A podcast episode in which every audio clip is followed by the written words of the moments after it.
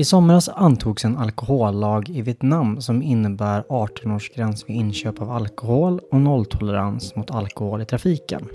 Men storskaliga insatser för att minska alkoholkonsumtionen blev det inte. Mycket på grund av alkoholindustrins påtryckningar. Accentpodden rapporterar från Sydostasien. Jag heter Jens Wingren.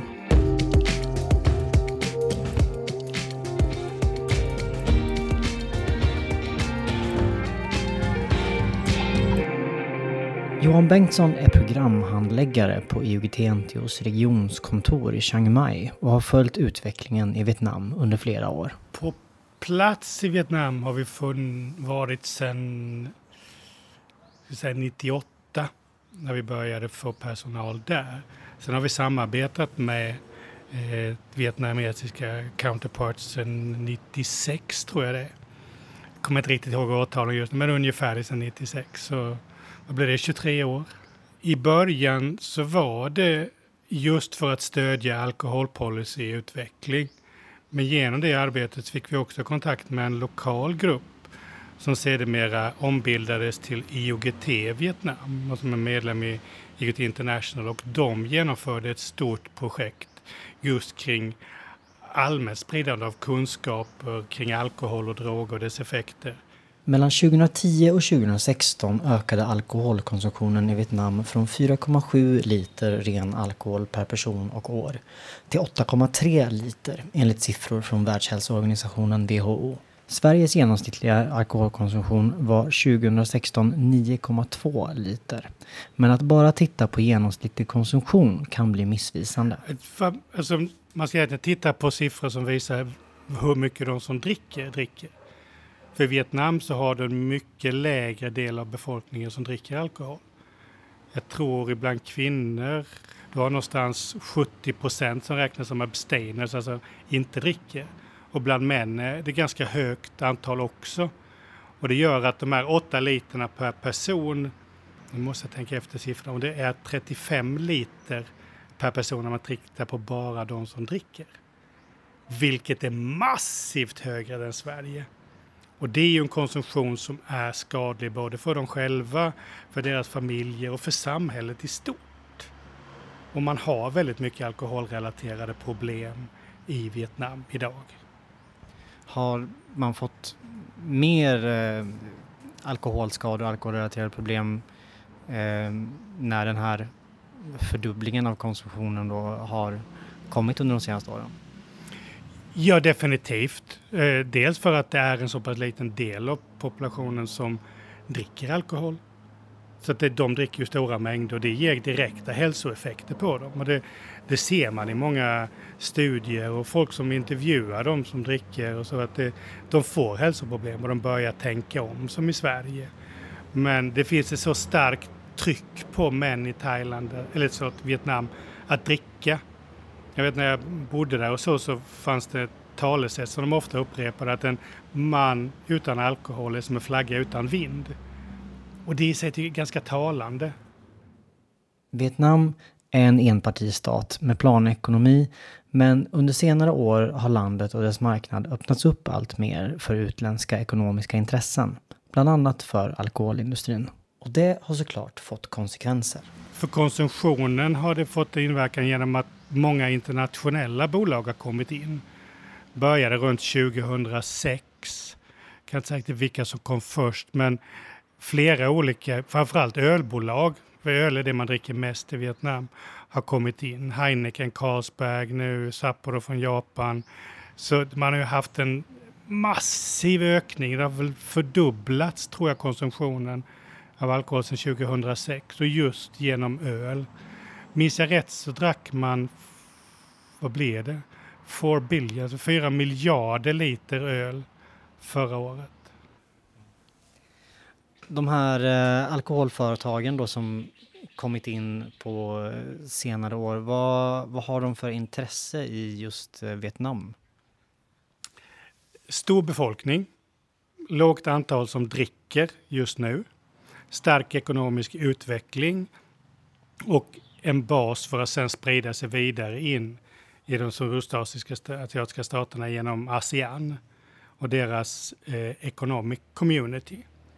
Så att det, det är flera olika aspekter. Fram, till att börja med just i Vietnam öka konsumtionen där. Och de är väldigt aggressiva i det. Både att köpa in sig mer i företag, att öka produktionen, att påverka så att det blir möjligt för dem att sprida sina produkter, marknadsföra sina produkter och så. Och ofta genom att de, så de gör corporate social responsibility.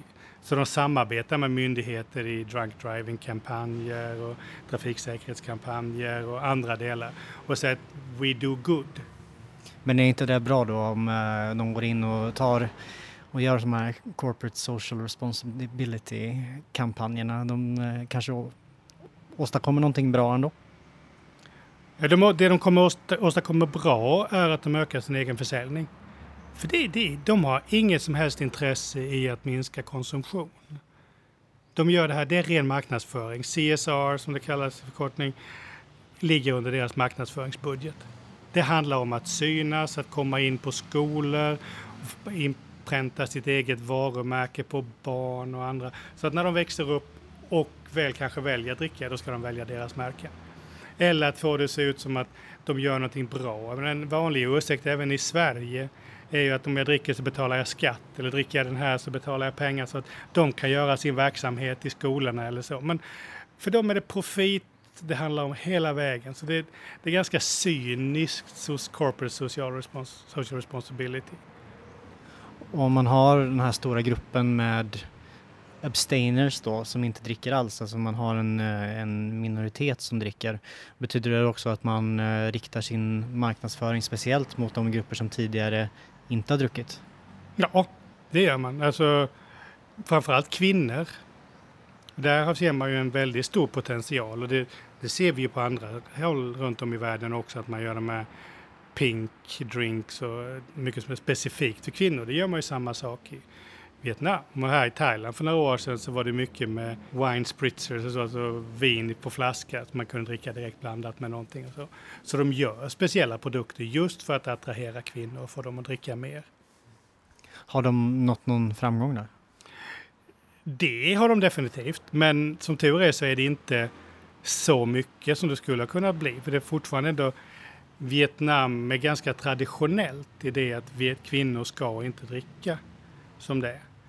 Eh, alltså I Sverige lite grann när vi fick kvinnofrigörelsen så kom drickandet också. Och så. Eh, och kan man tur kan Vietnam, de, definitivt kan de ha kvinnofrigörelse, det har jag ingenting emot. Men att eh, undvika att det då blir en reaktion där man börjar dricka så mycket istället. För ska de dricka lika mycket som de män som dricker idag så kommer landet att gå under.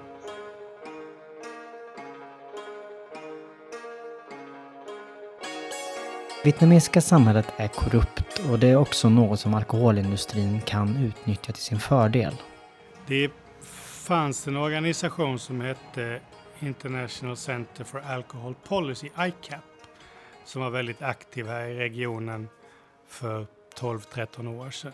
Och de var också väldigt aktiva i Afrika och hade folk som reste runt och försökte sälja in till regeringarna alkoholpolicy som var väldigt bra för företagen. Det var liksom låg beskattning, inga begränsningar på reklam och inget ansvar egentligen för industrin överhuvudtaget. Och de, de var aktiva här och i Vietnam till exempel så var de, har de kontakter med Ministry of Industry and Trade som då var ett ministerium. Och i och med att Vietnam då redan började med eh, den ekonomiska utvecklingen och började röra sig mer mot en marknadsekonomi så var det ministeriet väldigt starkt.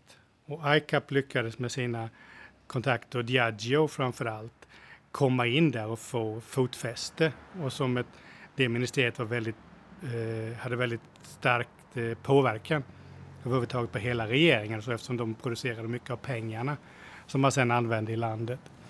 Så jag, ska inte, jag kan ju inte påstå att de har köpt människor och så på så vis är korrumperade, men de har ett system där de kommer in med vad de kallar för utbildning, ger folk information om deras, eh, eh, deras syn på, på, på taxering och på hur policy ska vara och så. Och ofta så gör man det genom att ta dem till väldigt fina anläggningar där de får vara några dagar, kanske några dagar extra. Man har fina kuvert med lite extra fickpengar under resan och så. Så att man liksom får folk att vara med i deras aktiviteter och anamma deras produkter och så och se det som att ja, det här är bra för oss. Glöm det där med hälsodelen. Och ofta så är det bara då eh, de människor som de verkligen vill påverka som får komma.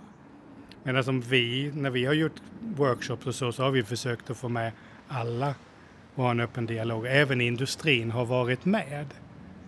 Jag har varit i situationer där folk från industrin har kommit fram till mig och frågat varför gör ni det här? Ni kommer ju ändå inte vinna. Och mitt svar har oftast varit ja men ni försöker ju att vinna, då måste vi försöka det också. Så därför är vi här och kämpar mot er. Men har de, eh, de ger sig inte in i någon typ av argumentation om att vad som skulle vara rätt eller bäst för folkhälsan eller sådär eh, vid de tillfällen du har träffat sådana representanter? Nej, de gånger jag har sprungit på någon så, så har de inte gjort det, för de har inga argument vad det gäller folkhälsa. Deras argument är ekonomiska. De skjuter in sig på att minska drink driving, det håller de med om. Man ska minska skadeverkningarna och så. Det de, håller de med om och så. Och det, det är väl bra, men de vill göra det utan att minska drickandet. Så till exempel i Vietnam så hade man en kampanj för några år sedan där, jag tänker efter, det var nog Carlsberg som sa att okej, okay, om du kommer och dricker och har kört hit så fixar vi en taxi åt dig så du kan åka hem. Det är smidigt. Ja, och det, alltså, att de kan göra det tycker jag säger på sitt sätt säger hur mycket pengar de tjänar på den öl som folk dricker. Så väldigt låg produktionskostnad men väldigt hög profit som gör att de kan betala sånt. Och de vill ha mer utav det. Så att det, man tänker inte på folkhälsan utan vi ska bara minska de direkta skadorna som trafikskador eller akuta skador. Så. De långtidseffekterna, de lägger man sig inte i det andra människors problem. Och det, det är ju likadant med alkoholen som med, man pratar om eh, Coca-Cola, började med plastflaskor och det blev ett miljöproblem. Då gjorde man en studie som visade att det är enskilda individens problem. Det är som med miljön i övrigt och nu när vi pratar om alkohol så är alkoholindustrins linje att det är individen som är problemet. Hela tiden. Det är de som dricker för mycket. Jag menar att du försöker sälja för mycket till dem och få dem att dricka mer. Hur påverkar det? Det är inte mitt problem. Det är individen som är problemet.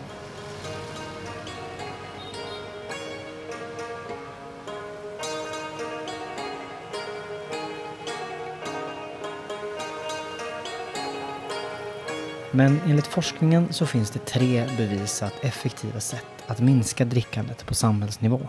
Ökad taxering, alltså högre pris. Minskad tillgänglighet och få bort alkoholreklamen. Det är tre konkreta grejer som direkt, alltså vetenskapligt bevisat har effekt. Det är vad de kallar för de tre bästa köpen, best buys. Alltså. Så det kan varje land implementera och det, det, kan de implementera här också, skulle kunna, men alkoholindustrin slåss just på de delarna. Och det, det finns en ytterligare en aspekt i Vietnam, i det här att om jag tror det fortfarande är så att den största delen av alkoholen som dricks egentligen i Vietnam är lokalt producerad, informellt, inte av alkoholindustrin. Och då försöker man spela upp det som att den alkoholen är farligare. Och det, det stämmer i det att en del illegalt producerad alkohol där tillsätter man gödningsmedel eller träsprit och så för att få extra kick i det. Och det är farligt. Det är direkt farligt, men det är inte alkoholen i sig som är det farliga då. Utan det är de andra delarna, träspriten och gödningsmedlen. Och så säger man att våran alkohol, etanolen som vi tillverkar, den är bra. Men det lokalt producerade, det borde förbjudas för det är inte bra etanol. Och det är precis samma produkt. Och på så vis så kan man få det att låta som att man jobbar för en stark policy när man ska begränsa skadeverkningar. Men det man begränsar skadeverkningar från egentligen är träsprit och gödningsmedel. Alkoholen i sig rör man inte. IOGT-NTO-rörelsen har under många år försökt utbilda och påverka lokala organisationer och politiker i Vietnam. Men för några år sedan nådde man ett genombrott. 2013 eller 2014 så kom det så långt att då skrev premiärministern under ett beslut att det var tills nästa år så skulle man ha en lagstiftning. Så det var ett första väldigt viktigt steg i den här processen. Eh, för när man har kommit till det steget då ska den på sitt sätt ske. Sen har alkoholindustrin varit ganska aktiv när det väl kom och har bombarderat dem med olika brev och skrivelser och tagit sitt, sina möjligheter så att, säga, att påverka. Ta med folk på internationella kongresser, bjuda dem på golfresor och komma med ekonomiska incentives och så för att förändra det hela. Och bara var det förra året som Carlsberg mötte med premiärministern i Vietnam. Och då vet vi att det produceras för mycket, man har stora alkoholskador och ändå så säger premiärministern till eh, vdn för Carlsberg att ni borde producera mer. Det finns möjlighet att expandera här. Och det är samma regering som sen också har diskuterat alkohollagstiftning som antogs i juni i år. Så att lagen blev tandlös kommer kanske inte som någon överraskning. Och Johan Bengtsson ser framförallt ett skäl till det. Ekonomiskt. Det, jag ska inte säga att ekonomiskt personligt, men ekonomiskt för landet. Alltså money rules väldigt mycket i Vietnam. Det, du är vem du är beroende på hur mycket pengar du har. Och så pengar kan köpa dig väldigt mycket. Så när industrin kommer med sitt och de ser möjligheter att sitta i styrelser och så. För du, du är politiker för ett slag. Och sen kan du gå vidare och då kan du hamna i en styrelse för ett företag. Och alkoholindustrin är lika intressant som något annat. Och då, då kan man passa på medan man har politisk makt att se till att de får så bra möjlighet som möjligt så att jag som styrelsemedlem sen kan få del av kakan.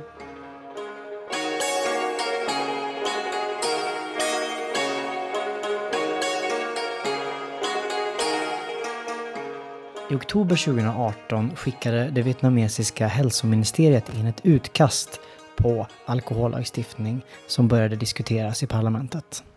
Och som processen är i Vietnam så diskuteras det i parlamentet eh, med parlamentsmedlemmarna och sen så gör de rekommendationer eller har sina åsikter på den och sen så får eh, socialkommittén eh, skriva ihop och så skickar man ut till alla provinser i landet.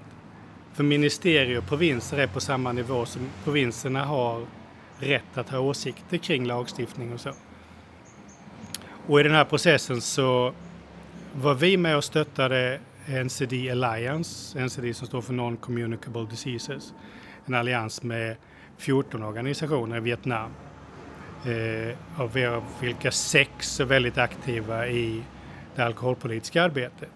Som utifrån då den lagstiftning som fanns försökte jobba för att behålla så mycket som möjligt. Begränsningar i marknadsföring, begränsningar i försäljningstider och så. Samtidigt som alkoholindustrin självklart också började att pumpa in. Så vi har, vi har sett brev från japansk alkoholindustri, skotsk whiskyindustri. Det finns en organisation som heter Asia Pacific International Wine and Spirits Alliance som är de stora bolagen, då, alkoholbolagen som går samman och de har pumpat in en massa eh, påverkansinformation och så. I det var det maj det kom tillbaka in igen efter en runda då i de olika provinserna och, så. och sen så har, började man i slutet av maj att i parlamentet diskutera det. Och då hade man en lagstiftning som väl på sitt sätt var fortfarande okej. Okay. Men ju mer diskussioner gick så bröts bitar bort. Så idag så har man inte ens de three best buys i den. Men man har en alkohollagstiftning som till viss del, för det, det var en av de experter som var med på ett möte som sa det att ibland är det bättre att inte ha någon alkohollagstiftning än att ha en dålig. För när du har en, inte har någon alls då är alkoholindustrin väldigt försiktig. Vilken väg kan vi gå? Men när du väl har fått en dåliga, då vet de exakt och sen så bara stormar de in. Och lite grann så kan vi se Vietnam idag. Att den lagstiftning som finns, den, den begränsade men inte tillräckligt mycket. Den ger för mycket spelrum till industrin. Och då kommer de in. Så nu har, alltså en sak som diskuterades i lagstiftningen var internetförsäljning. Där lagen från början sa nej, men industrin pressade på. Och då kom det argumentet med skattemedel. Det var andra länder i världen som har internetförsäljning och så. Så då skulle man ha det i Vietnam också. Och nu när det väl då gick igenom så direkt så tror jag det var Heineken som kopplade sig med Grab eller Uber. Så nu kan du beställa via internet och få det hemkört med Uber. Det fanns inte tidigare. Det fanns knappt någon alkoholreklam i Hanoi. När jag var där sist i september. Känsla av att nu när lagen har gått igenom så kommer det att explodera. Det är motvilligt som Johan Bengtsson kallar Vietnams nya alkohollag för en seger för alkoholindustrin. Ska jag erkänna mig besegrad? Nej, då. Eh, det är det ju på många sätt. Det är det.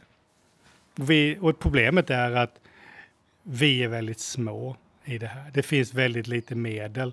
För till exempel med tobaksarbetet så finns det stora fonder som ger pengar. Bloombergs och så. För man, när det startade så upplevdes det som att det var ett väldigt akut behov. Vad det gäller alkoholen så finns inte samma känsla av att det är katastrofläge. Och vi skulle behöva göra det, även om det på många sätt är det med de alkoholskador som sker. Så att det finns inte samma medel att tillgå. Och det, de medel vi har till exempel för att stödja Vietnam, det är ju småpotatis.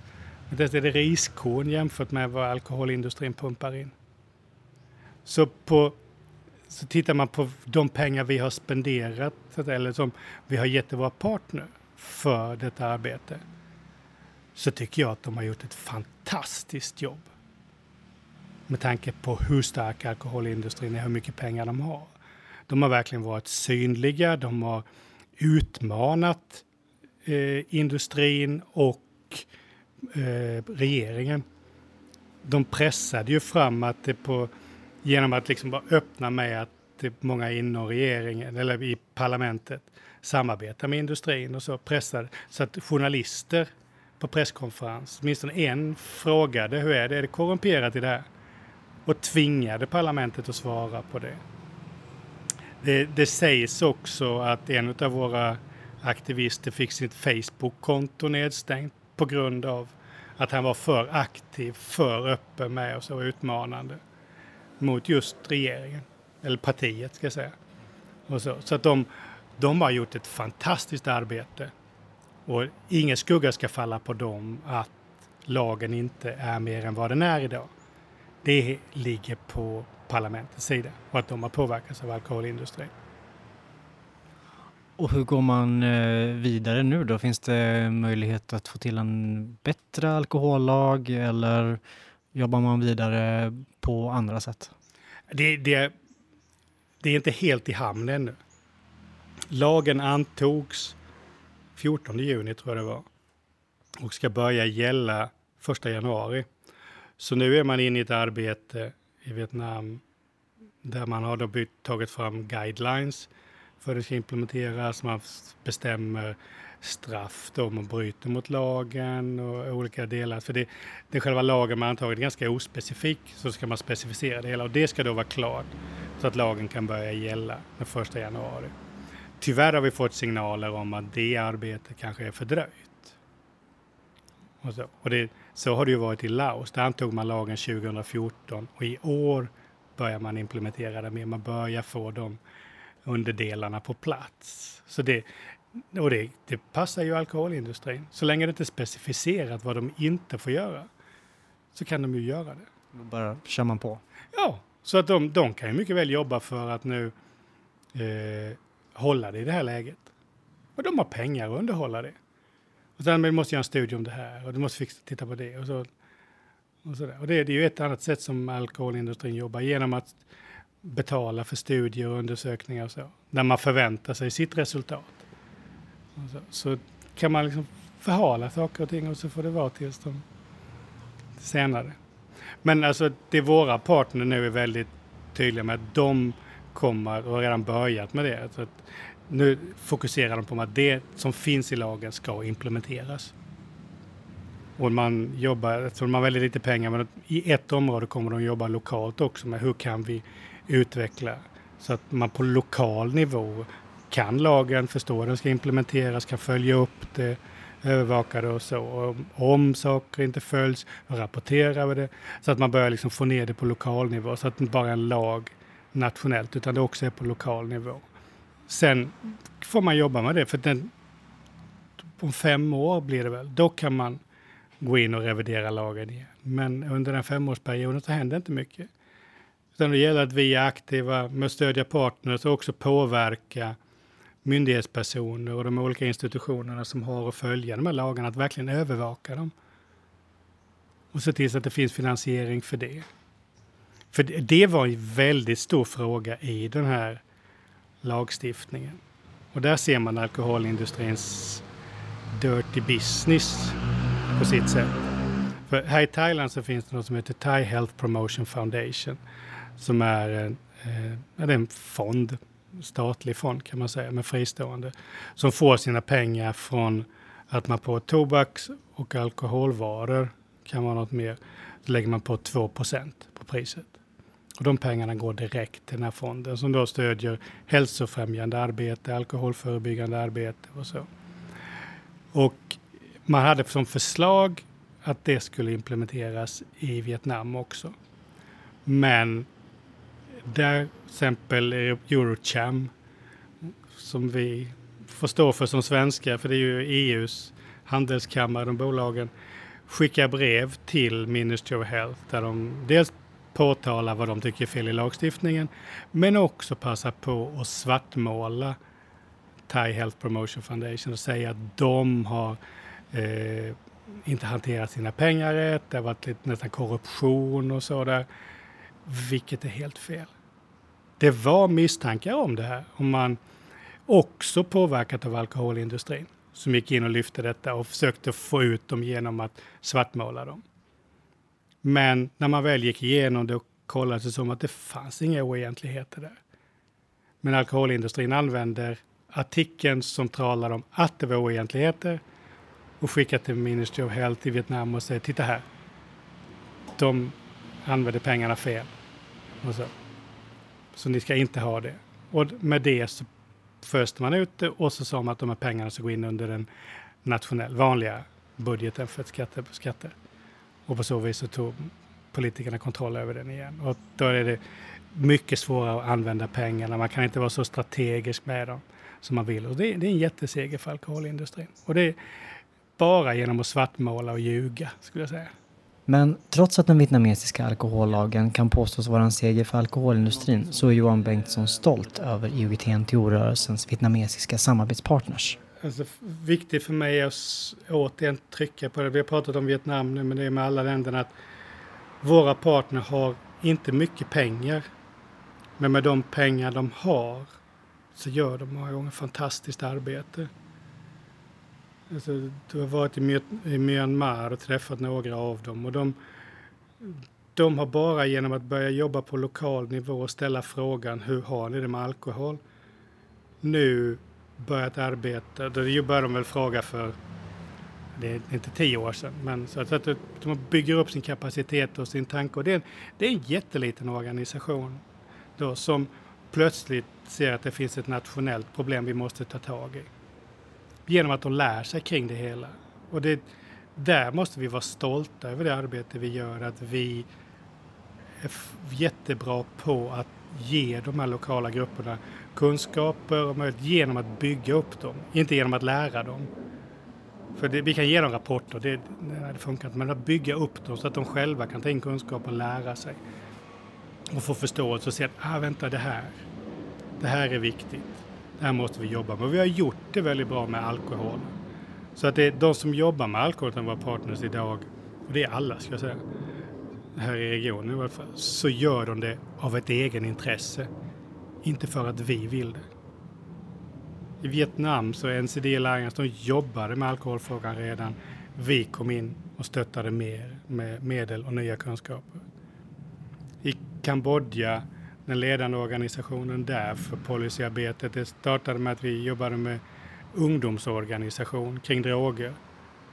Och den dåvarande ordföranden flyttade över till en ny organisation. Och när han start, den kom igång så sa han att jag vill jobba med alkoholpolicy. Det var 2006.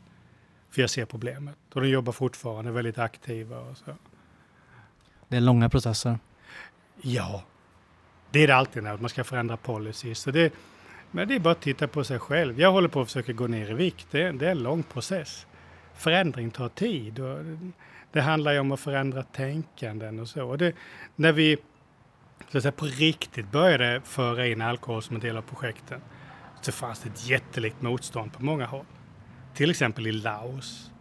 Där var det jättetufft. De bara skrattade åt oss. Men då tittar man på det landet nu, hur det ser ut där, så är de ju det land där det precis dricks mest. Och framförallt flest kvinnor dricker. Det är mycket vanligare med kvinnor som dricker i Laos än Vietnam, Kambodja, Myanmar, Thailand. Och där var det där vi mötte det största motståndet också.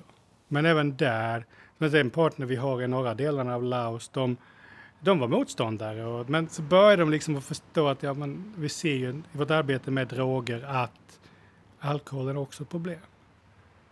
Och sen började de göra egna små lokala studier och så. Och sen kom de upp med sin egen lista av tio anledningar till varför vi måste jobba med alkohol som en fråga. Och den har de nu och de gör ett fantastiskt arbete.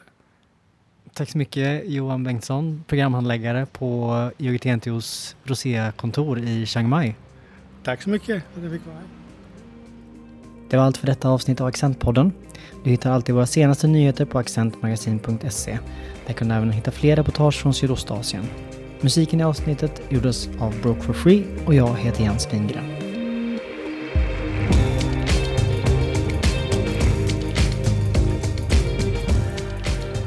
Du har lyssnat på Accentpodden. Accent är Sveriges största tidning om droger och nykterhet och EGT NTOs medlemstidning. Du får gärna höra av dig till oss och berätta vad du tyckte om den här podden och vad du skulle vara intresserad av att höra mer om i framtiden. Du når oss på accent Du hittar våra senaste nyheter på www.accentmagasin.se eller på Facebook. Tack för att du lyssnat.